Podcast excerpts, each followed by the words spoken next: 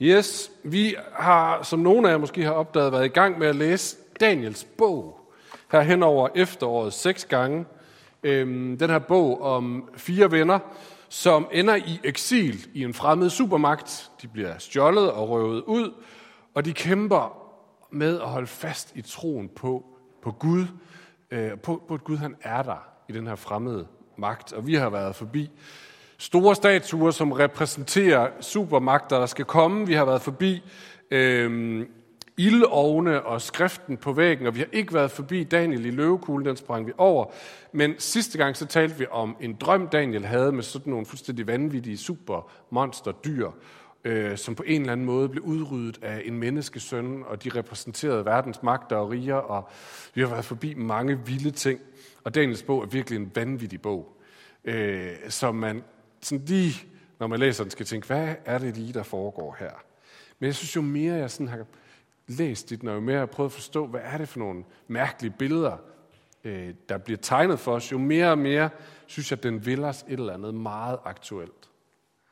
Den beskriver det ikke sådan i journalistisk klarhed, den beskriver det i poesi, i billeder, i alle mulige tegn. Men på den måde får den også lov til sådan på en eller anden måde at sætte et sådan tidsligegyldigt, hvad hedder sådan noget der, aktuelt til alle tider billede, som vi også kan læse i dag. Fordi grundspørgsmålet er som sagt der med, øh, som jeg tror, vi kan, jeg, jeg i hvert fald kan genkende mig i. Hvordan bevare håbet om, at Gud han virkelig er der, og at han virkelig er den stærkeste, når man lever i en verden, som på en god dag bare sådan er uenig i det, man, i det, jeg står for, og på en dårlig dag måske er direkte fjendtlig over for det og som virker stærk, og som virker succesfuld, og som virker som vejen frem, og som virker som det, der vokser. Hvordan bevarer håbet om, at Gud han er der, og Gud han er en virkelighed, og Gud han er gode nyheder. Hvordan, hold, hvordan stå op hver eneste morgen og sige, også i dag, så det er det her, jeg giver mit liv på til. Så det er det her, jeg forsøger at være trofast imod. Hvordan blive ved med at bevare det håb? Det er det, Daniels bog snakker om. Øh, og i dag så er vi kommet til de sidste kapitler, 8-12, fordi næste søndag er det første søndag i advent, og så skal vi altså over og snakke om advent og alt det, der hører den til. Så i dag tager vi de sidste kapitler, og jeg tror næsten, det giver sig selv. Vi kan ikke nå at læse dem alle sammen fra inden til anden i dag, sådan som vi har gjort nogle af de andre gange. Selvom jeg gerne vil, det er ikke sikkert, I gerne vil, jeg vil gerne, øh, men det kan vi ikke. Så vi må forsøge, jeg forsøger sådan at surfe os igennem dem, og så lige tage nogle nedslag for at få lukket den her bog på en ordentlig måde. Sidste gang, nogle af jer var der, øh, der snakkede vi om kapitel 7, og der så vi det her, hvordan Daniel han oplevede, øh, hvordan hans verden på en eller han fik nogle billeder, som beskriver hans verden som nogle monsterdyr, der sådan jogger rundt og dræber og ødelægger alle de mennesker, der er i den. Og så viste Gud ham et syn om en menneskesøn, der træder ind og overvinder de her monsterdyr, ondskaben i verden. Øh, så det er jo ligesom, hvad Gud handler. Gud ser undertrykkelsen, uretfærdigheden, ondskaben, og han gør noget. Øh, og de sidste fire, fem kapitler her, de handler om, hvorfor gør han noget? Hvorfor gør han noget? Og hvornår gør han noget? Godt spørgsmål. Hvornår gør han noget? Men det første spørgsmål, hvorfor? Det har vi faktisk slet ikke været inde på. Hvorfor skal Gud overhovedet handle på den her ondskab? Eller et andet hvorfor spørgsmål. Hvorfor endte Israel overhovedet i eksil i Babylon? Hvorfor, hvorfor tillod Gud overhovedet, at hans kære lille folk blev overrumplet af en fjende og splittet totalt ad? Hvorfor? Det er sådan nogle spørgsmål, der er i her. Og Daniel øh, løfter sløret lidt, og vi skal forbi det ikke bare, fordi det står i dagens bog, men faktisk også, fordi det er vigtigt og aktuelt. Så kapitel 9 skulle gerne være på en slide, Andreas. Uh, yes, det er meget småt, jeg håber, I kan læse det står sådan her, i Darius første regeringsår, han, altså Darius, var af medisk herkomst, søn af Ahasverus, og var blevet konge over Kaldernes rige. I hans første regeringsår blev jeg, Daniel, opmærksom på angivelsen i bøgerne af det overmål Jerusalem efter Herrens år, ord til profeten Jeremias skulle ligge i ruiner 70 år. Jeg vendte mig til Gud Herren for at søge ham i bøn og trylen under faste og i sæk og aske. Så Daniel han har altså haft sin daglige andagt. Han er kommet til Jeremias' bog og har siddet og læst, og så er han blevet opmærksom på, hov, Jeremias, en af profetierne, eller profeterne, som kom før Daniel, har sagt noget om, hvor lang tid det her øh, eksil skal vare. Wow, spændende, fedt. Han læser, det skal vare 70 år. Det er det, Jeremias han siger. Og Daniel, som vi ved nu er ved at være en gammel mand, begynder at tænke, jamen du godeste, så kan det faktisk godt være, at jeg får lov til at opleve, at det stopper. Og at jeg kommer tilbage til Jerusalem, og freden skal genoprettes, og Gud skal være den stærkeste, og vi skal være fri for alt det her. Så det glæder han sig over, så begynder han at bede. Så begynder han at bede. Og det er en anledning til at søge Gud. Hvad beder han om? Jo, hans bøn er faktisk bare en syndsbekendelse på folkets vegne. Jeg kan simpelthen ikke huske, om der er en slide på det. Hvad siger den næste slide? Øh, nej, det er ikke den. Så, så siger Daniel sådan her, han beder sådan her, Gud, vi har syndet, vi har handlet slet og ugudeligt, vi har gjort oprør og er veget fra dine befalinger og bud. Altså med andre ord, grunden til, at vi endte i de her, det her eksil, det var vores egen skyld. Vi havde glemt dig. Øh, og hvis vi læser de andre profeter i det gamle testamente, Jeremias, Isaias, Ezekiel osv., så hører vi den samme historie. Israel havde et meget enkelt kald i Guds folk. Han vil velsigne, han skal nok tage af jer. Til gengæld skal I være med til at vise hans kærlighed ved at velsigne andre folk. Meget enkelt. Det formår de overhovedet ikke. Igen og igen så ryger de tilbage i at bygge deres eget rige, være selvoptaget, bruge krudtet på sig selv, elske sig selv og glemme fuldstændig alt det der med Gud. Og som en konsekvens af det, da så stormagterne kommer og vil annektere den her, det her rige, så stanser Gud dem ikke, fordi de har forladt troskaben mod ham. Øh, de har jo, de har jo trådt ud af hans beskyttelse, så at sige. Så han lader stormagterne rulle ind over dem og tage dem, dem i eksil. Det er en naturlig konsekvens, at de har valgt Gud fra, men så får de lov til at, at sejle deres egen sø over for ondskaben. Og Daniel han siger det med en fantastisk sætning. Det var den, der var oppe lige før. Han siger det sådan her, retfærdigheden tilhører dig, Herre. Skammen i dag tilhører os. Retfærdigheden tilhører dig. Du havde ret i det, du gjorde. Det var ikke uretfærdigt, at, at Babylon kom og overtog os. Det var fuldstændig retfærdigt. Så Gud, vi, vi bøjer os. Det var retfærdigt. Og det er os, der står med skam. Det er vores egen skyld. Øh, så på, spørg, på, på, på spørgsmålet om, hvorfor er vi endt her i eksil, så er svaret, at det var det, vi valgte. Det var det, mine fædre valgte, det var det, mine forfædre valgte. Du er helt retfærdig, Gud. Men hvorfor håber Daniel så på, at, de skal, at Gud skal redde dem? Hvorfor håber han på, at Gud stadigvæk øh, ser på dem? Håber han, at om Gud har nok snart glemt det. Nu er der gået 70 år, han har nok glemt, hvad der skete. Eller håber han, at, at Gud er nok ligeglad. Det var nok ikke så slemt. Hvad er det, der gør, at Daniel han bliver ved med at håbe? På et eller andet tidspunkt, så gør Gud noget. Det står videre i vers øh, 17. Næste slide. Lyt nu, hvor Gud, til din tjeners bøn og trylen. Lad dit ansigt lyse over din ødelagte helligdom, for din egen skyld, Herre. Min Gud, vend dit øre til og lyt.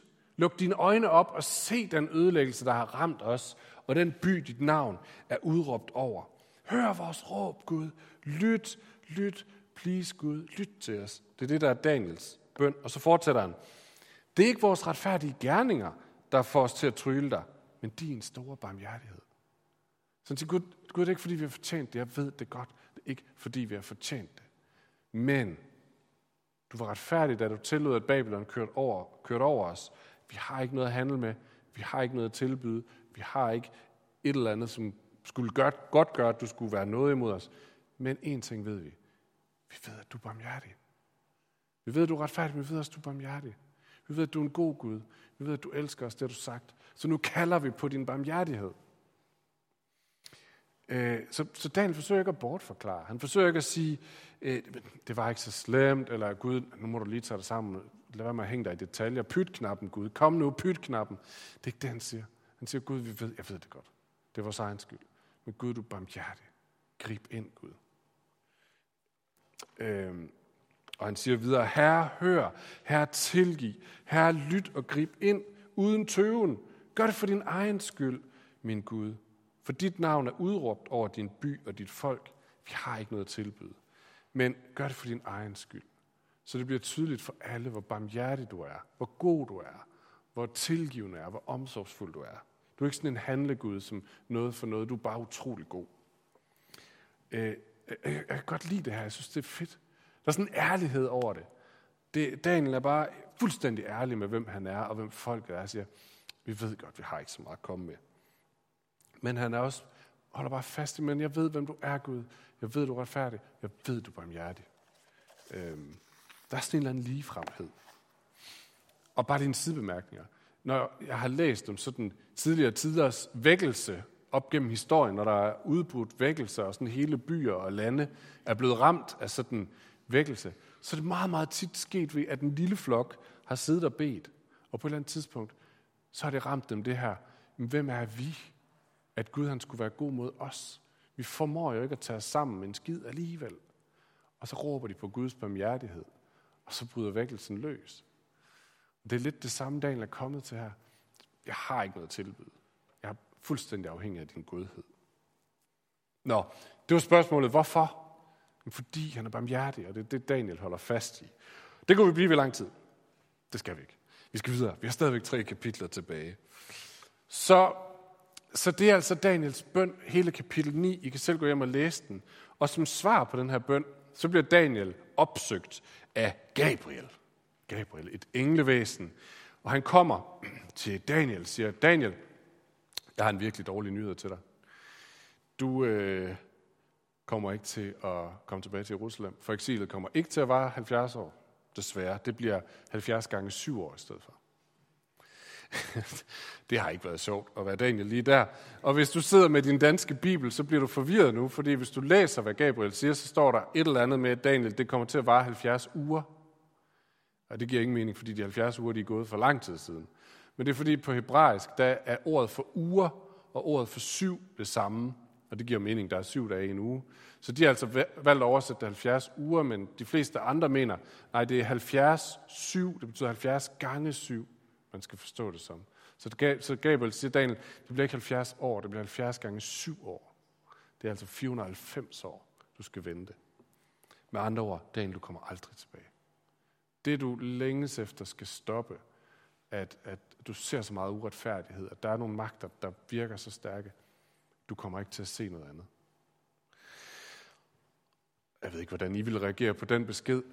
Daniel han kommer ud i sådan en dyb tilstand af dyb chok og depression. Og øh, han troede, det havde det sluttet nu, og at han måske kom hjem i en kørestol. Det gør han ikke. Men Gud er god, og Daniel han bliver genopsøgt af et sendebud fra himlen. Det er ikke Gabriel, vi ved ikke, hvad han hedder. Der står sådan her om ham. På den 24. dag i den første måned, da jeg var ved bredden af den store flod Tigris, løftede jeg øjnene, jeg så en mand iført en lindedragt med et bælte af ufast guld om lænden. I kender dem også, ikke? De der ufast guldbælter. De er fede. Nå, han har sådan et på. Hans læme var som krysolit. Hans ansigt strålede som lynet. Hans øjne som flammende fakler. Hans arme og hans fødder var som blank kover. Når han talte, lød det som en folkeskare. Wow, for et væsen. Hvad vil du gøre, hvis du mødte sådan en? Jeg ved det ikke. Daniel han bliver slået fuldstændig om kul, om, og væsenet må sådan hjælpe ham på benene igen og, og støtte ham, før han overhovedet kan høre, hvad han siger, fordi han er så slået om kul. Men væsenet kommer for at forklare Daniel nogle af de her syn og drømme, som han har fået, som vi har læst i de første kapitler. Nogle af jer kan huske statuen fra kapitel 2, som symboliserede fire kongeriger eller riger, som skulle komme, øh, som skulle følge efter hinanden. Eller kapitel 7, det her med monsterdyrene med horn og øjne og mund og alt muligt andet. Og det begynder han at forklare ham her væsenet. Øh, og forklare betydningen af det. Men nu er det ikke længere i sådan poetisk billeder af store dyr og store statuer og alt muligt andet. Nej, nu fortæller han meget direkte om, mm, Daniel, det, det betyder, det er, at der kommer en række konger, der kommer en række rige, riger efter hinanden.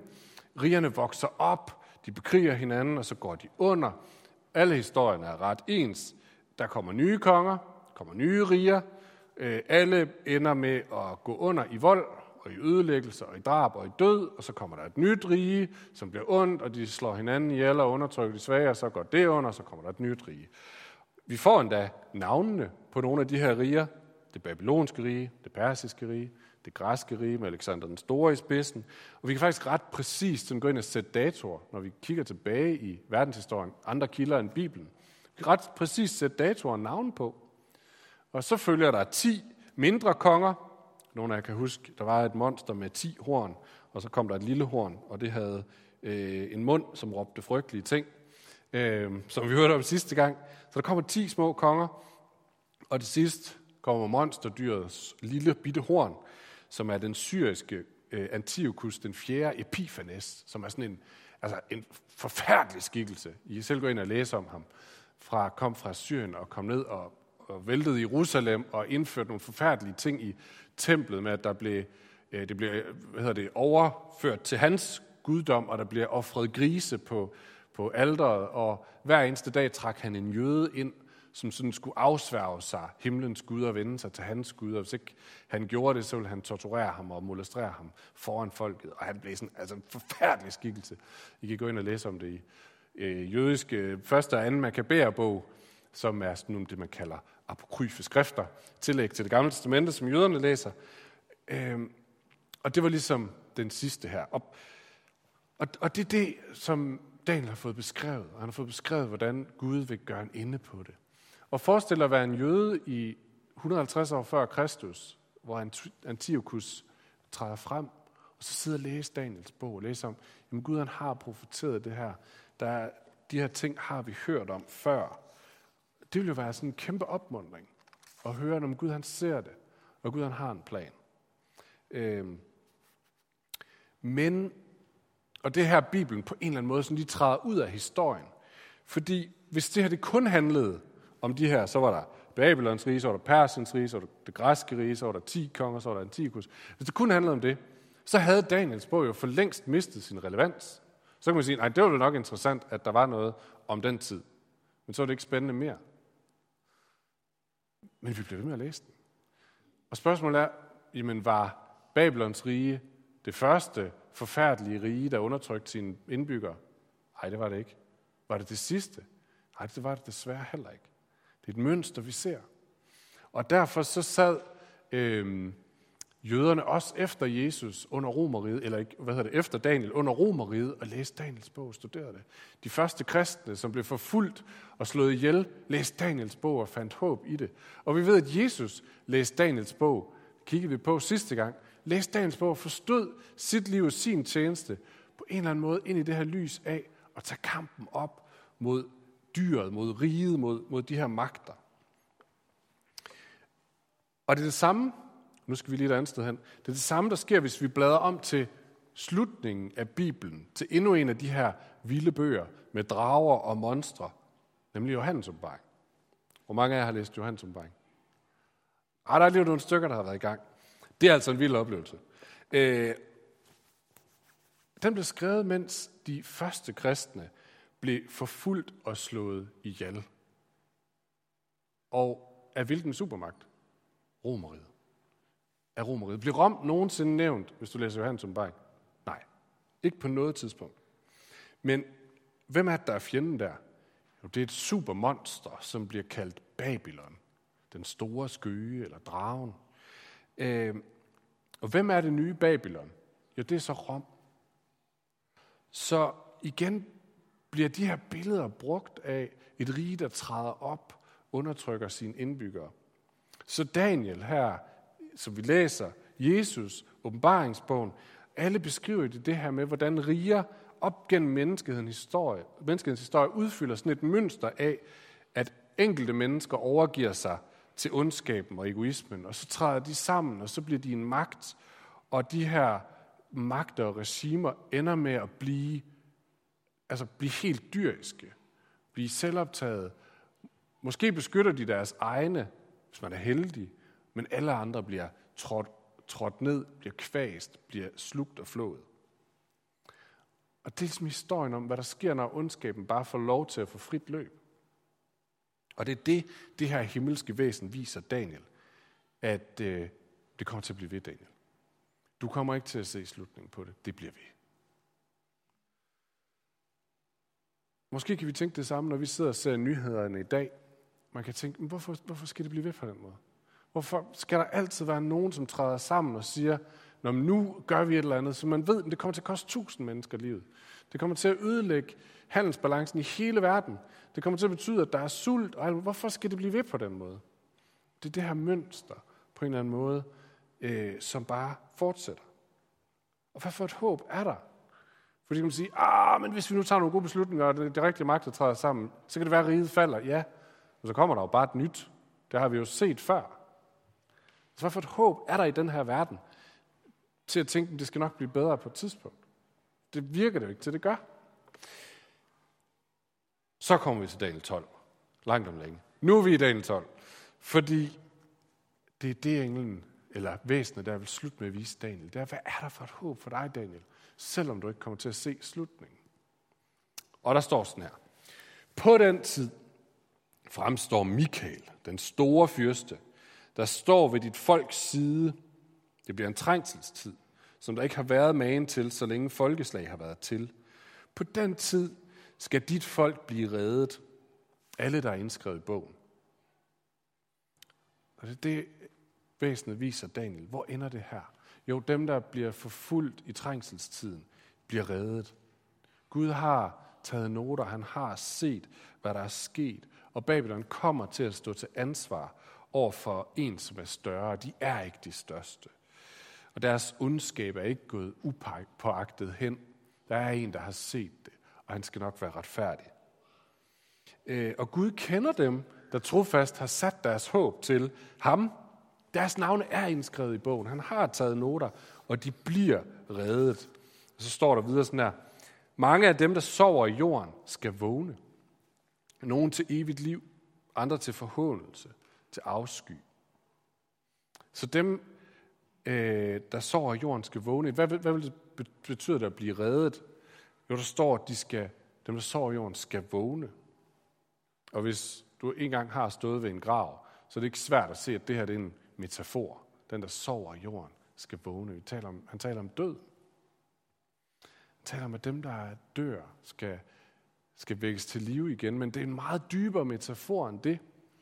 Fordi det er ikke bare døden, det er sådan set al ondskabens konsekvens.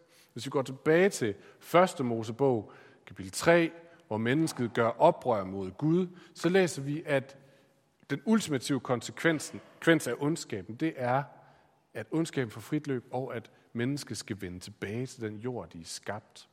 Altså, at de skal dø. Og øh, nu siger han altså, at Gud han vil vende det.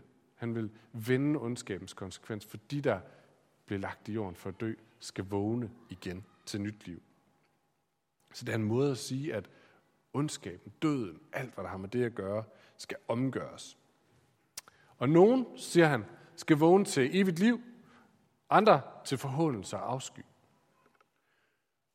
Og I dagens bog, i, i, i den her sammenhæng, kommer det ikke som en overraskelse. For det, det har været sådan ligesom billedet hele vejen igennem. Det er sådan en naturlig konsekvens af, at det mennesker har valgt i deres liv, det er også det, som kommer til at afgøre deres skæbne. Hvis de håbede på den Gud, som kan slå monsterdyrene ihjel, monsterdyrene omkring monsterdyret i os selv, øh, så, så, så, så er det ham, der vinder, og vinder for dem.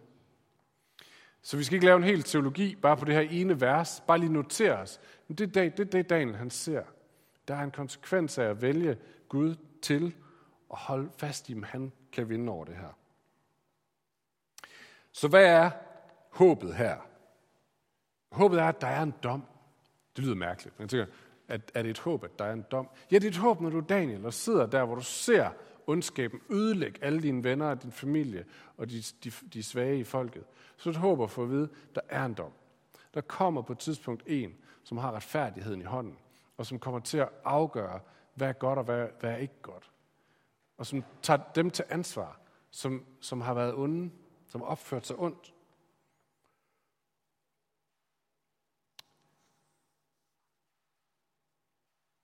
Og der kommer en virkelighed, det er også håbet. En virkelighed, hvor ondskaben og dens konsekvenser er omgjort, hvor de er fjernet.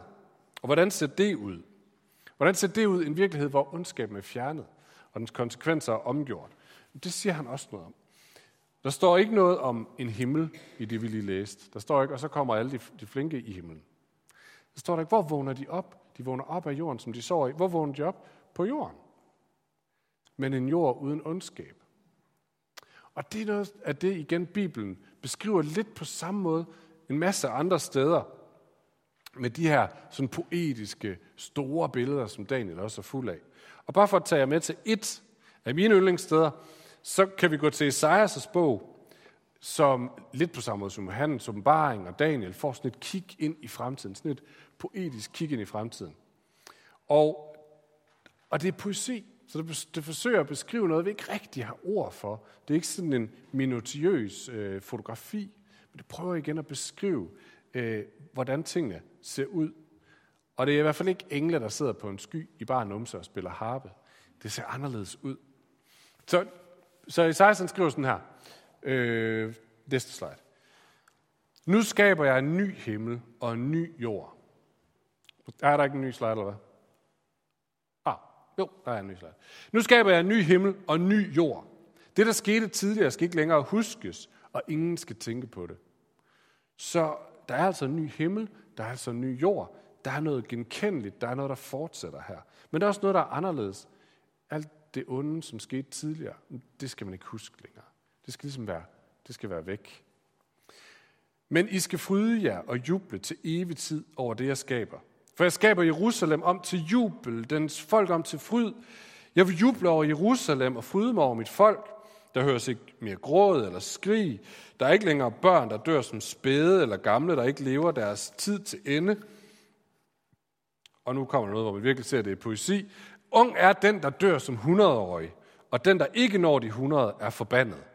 Det betyder jo ikke sådan bogstaveligt, at du bliver forbandet, hvis ikke du når til en 100-års fødselsdag. Det betyder bare, at alle bliver mere end 100 år. 100 år det er ingenting på det tidspunkt. Og så står der, at de skal bygge huse og bo i dem, plante vingårde og nyde deres frugt. Andre skal ikke bo i det, de bygger, eller spise, hvad de har plantet. De skal selv få lov til at bygge noget op og nyde, nyde frugten af det. Og så kan nogle af os, der sidder i det her land, sidde og tænke, nå ja, ja, men det gør vi jo allerede. Øh, vi får det, vi har. Vi, vi arbejder, så får vi noget for det.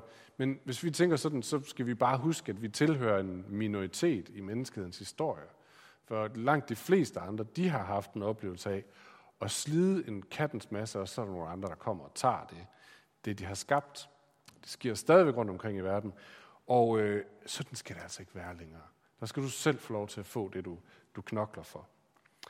Mit folk, står der, skal nå træets alder fantastisk billede. Forestil dig bo i Israel, og hvad er det ældste på det tidspunkt, man kunne forestille sig? Det er de her gamle oliventræer, som står flot det gamle, som bliver mindst 500 år gamle. Øh, det er det ældste, de overhovedet kan forestille sig. Mit folk skal nå træets alder. Og så fortsætter han, ulven og lammet græsser sammen. Løven æder strå som oksen, men slangens føde er støv. Der findes hverken ondskab eller ødelæggelse på mit hellige bjerg, siger Herren. Det er vildt, hele fødekæden bliver veganere her. Der er ikke nogen, der spiser nogen. Igen, jeg tænker, det er poesi, men der er sådan den her sådan cirkel af død og ødelæggelse, som er i gang, som på en eller anden måde skal stoppe. Og slangen, symbolet på ondskab, hvad er det, den skal spise? Støv. I dust. Det er nederlagets mad, den er ligesom, dens tid er slut. Og det er håbet fra Daniels bog. Det er håbet fra Bibelen. Ikke sådan et håb om himmel og harper, men om et evigt liv på en nyskabt jord. Fordi det er den, Gud, det er den jord, som Gud har skabt. Det er den, han kalder god. Det er den, han elsker. Det er, han elsker de mennesker, som han har sat til at leve på den. Også selvom de gør livet surt for hinanden og ødelægger den. Så håbet i dagens bog er, at Gud sætter en slutdato på den her jord eller på, den, på ondskaben på den her jord. Og den slutdato er samtidig begyndelsen for alle dem, som har sat deres håb til ham. Så det er et modigt håb. Det er et modigt håb om, at dyret, eller dyret i os selv, den ondskab, der ødelægger verden, ikke får det sidste ord. Der er faktisk en anden fortælling. Og der skal vi have den sidste pointe her. Det er nemlig, at alt det her poetiske og smukke og sådan lidt fairytale-agtige får sådan et meget konkret nedslag. Et meget konkret nedslag i Jesus. Så læs evangeliernes beretning om ham, hvis du lige vil, virkelig vil se, hvordan ser det så ud, det her nye liv, når det bliver helt konkret på den her jord. Fordi da Jesus han træder frem, hvad er det første, han siger? Jo, hvis du spørger Markus i hvert fald, så siger han, det første, han siger, det er, Guds rige er kommet nær. Så den her virkelighed, som Daniel han håber på at forudser, Jesus han siger, på en eller anden måde, så træder den ind med mig. Nu bliver det virkelighed. Og hvordan ser det ud? Ja, det er i hvert fald ikke vold og ondskab.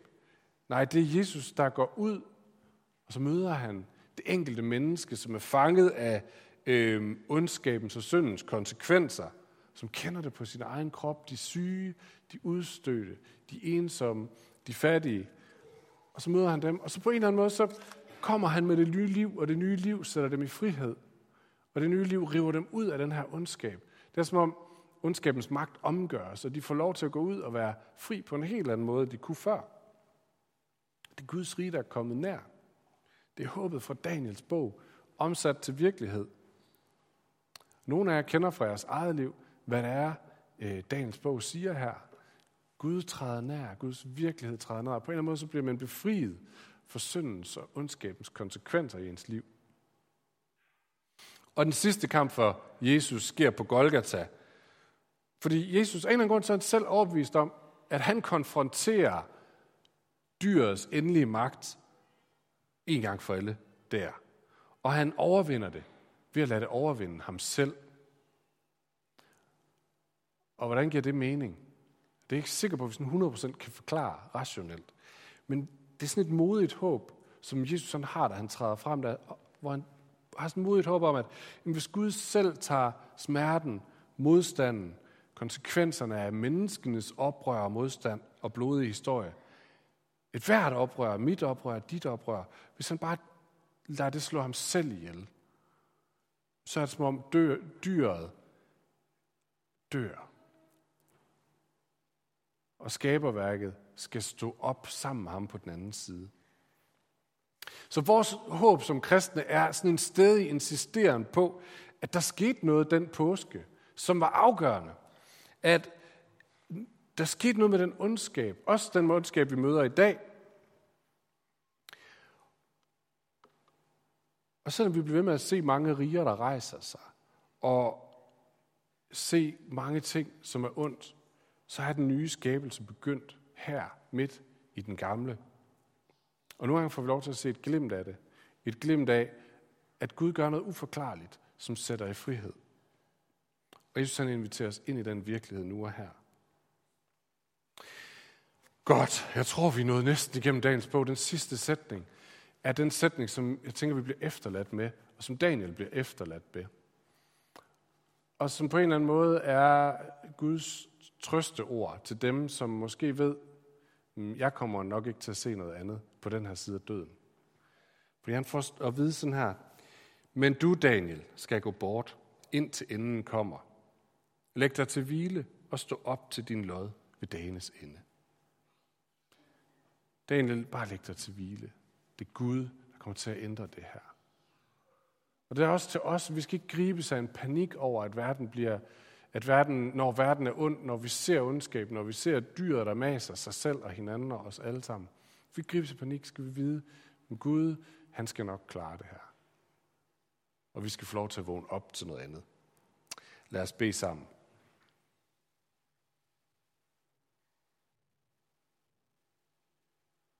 Gud, vi takker dig for, at der er håb.